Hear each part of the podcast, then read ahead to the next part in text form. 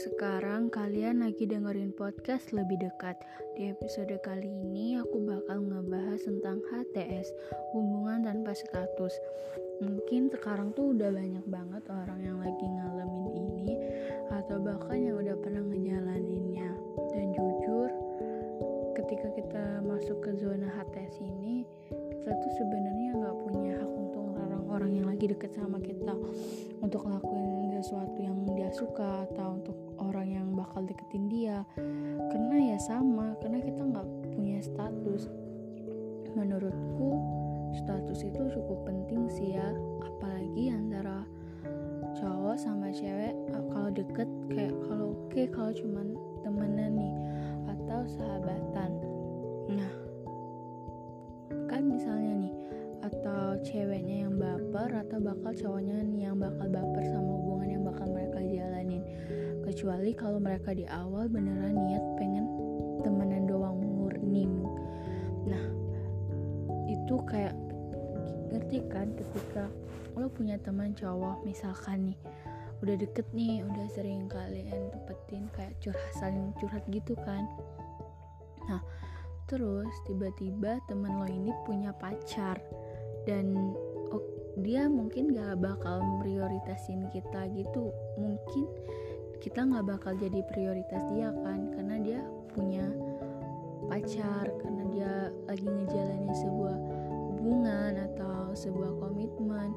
Dan kita kayak nggak punya hak untuk kayak marah kok lo berubah sih sejak pacaran sama ini?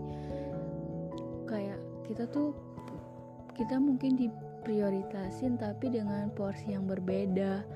Dan itu yang harus kita terima sih. Menurutku untuk keluar dari zona ATS ini cukup bah mudah-mudah gampang ya. Sebab ketika kita tuh kayak punya ketakutan sendiri nggak sih? Kayak misalnya nih kita suka sama cowok terus kita udah kayak udah jalanin aja dulu misalkan nih. Terus si cowok ini dideketin cewek lain gitu. Kayak kita tuh kayak jealous gitu kan kayak kok dia berubah ya sejak deket si ini? Kok dia nggak in gue lagi? Kok dia nggak notice gue lagi? Kok dia nggak perhatian sih sama gue? Atau kayak ketika kita dideketin cowok dan kita punya teman cowok ini kayak kita tuh bakal punya sisi jealousnya nggak sih? Kayak sisi orang ganggu banget ya hidupnya kayak gitu kan. Nah di situ aku tuh kadang suka mikir keluar dari HTS ini tuh memang gak gampang gitu kan. Atau misalkan nih cowok kecuali misalkan dua orang itu bener-bener kayak ya udah deh kita kayaknya nggak bisa nih ngejalanin HTS ini. Kayak udah jalanin aja emang kita nggak bisa kayak gitu. Ada orang yang kayak kok gue nggak apa ya susah gimana ya kayak misalkan ya kita tuh misalnya kan si cewek suka sama cowok itu terus dia mikir kalau gue ngasih tahu gue suka dia gue bakal canggung gak sih nanti hubungannya atau bakal ngehindar gak sih atau mungkin dia nganggep gue cuma teman atau orang yang bisa dicurhatin bukan orang yang lo orang yang di lo tuh jadi tempat curhat bukan orang yang dicurhatin. Ngerti gak sih kayak lo tuh cuman jadi tempat dia curhat buat nyurhatin orang cerita tentang orang lain bukan tentang lo gitu. Dan mungkin si cowoknya kayak mikir kayaknya untuk saat ini kayak gini dulu deh kayak nanti dia ilfil nggak ya sama gue? Atau dia nyaman nggak ya ketika gue bilang gue suka dia? Dan masalah HTS ini menurutku ketika orang ngejalanin HTS ini masalahnya ya kita bakal punya ancaman tersendiri sih dalam setiap hubungan. Dan karena aku sering banget ngalamin HTS ini bukan sering-sering banget sih kayak ya bingung doang kayak gue tuh cuman kadang aku tuh suka di, di ghosting gitu.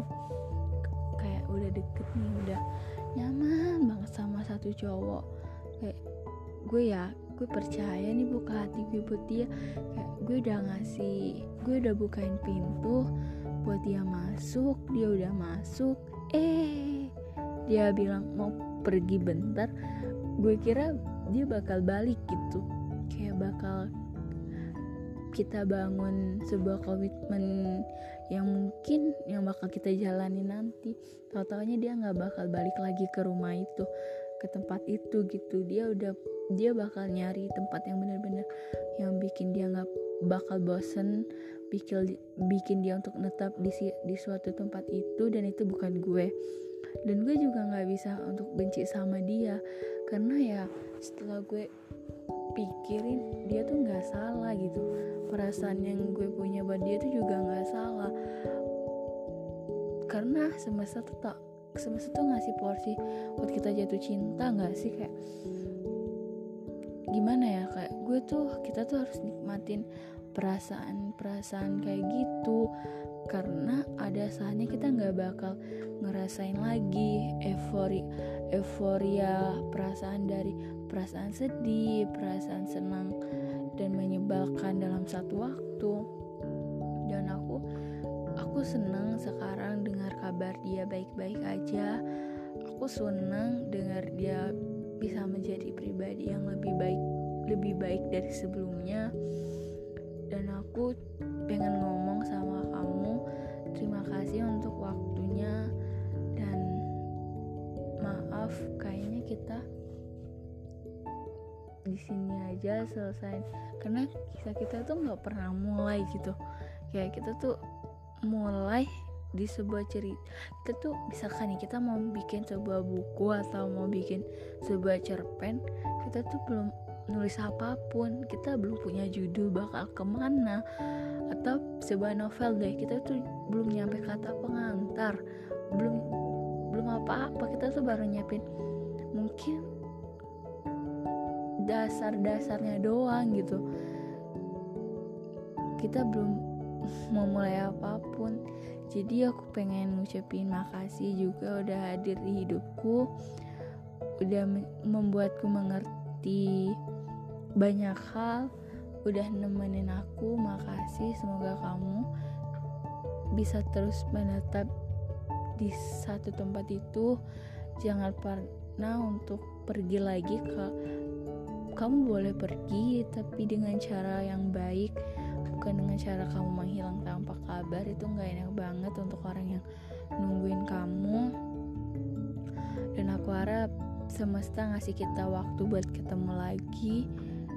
Mungkin dengan keadaan yang sudah membaik dengan keadaan kita yang sudah membaik dan aku aku kangen kamu sebatas teman perasaan-perasaan itu sudah lama mat sudah lama gak ada semenjak kamu pergi tanpa kabar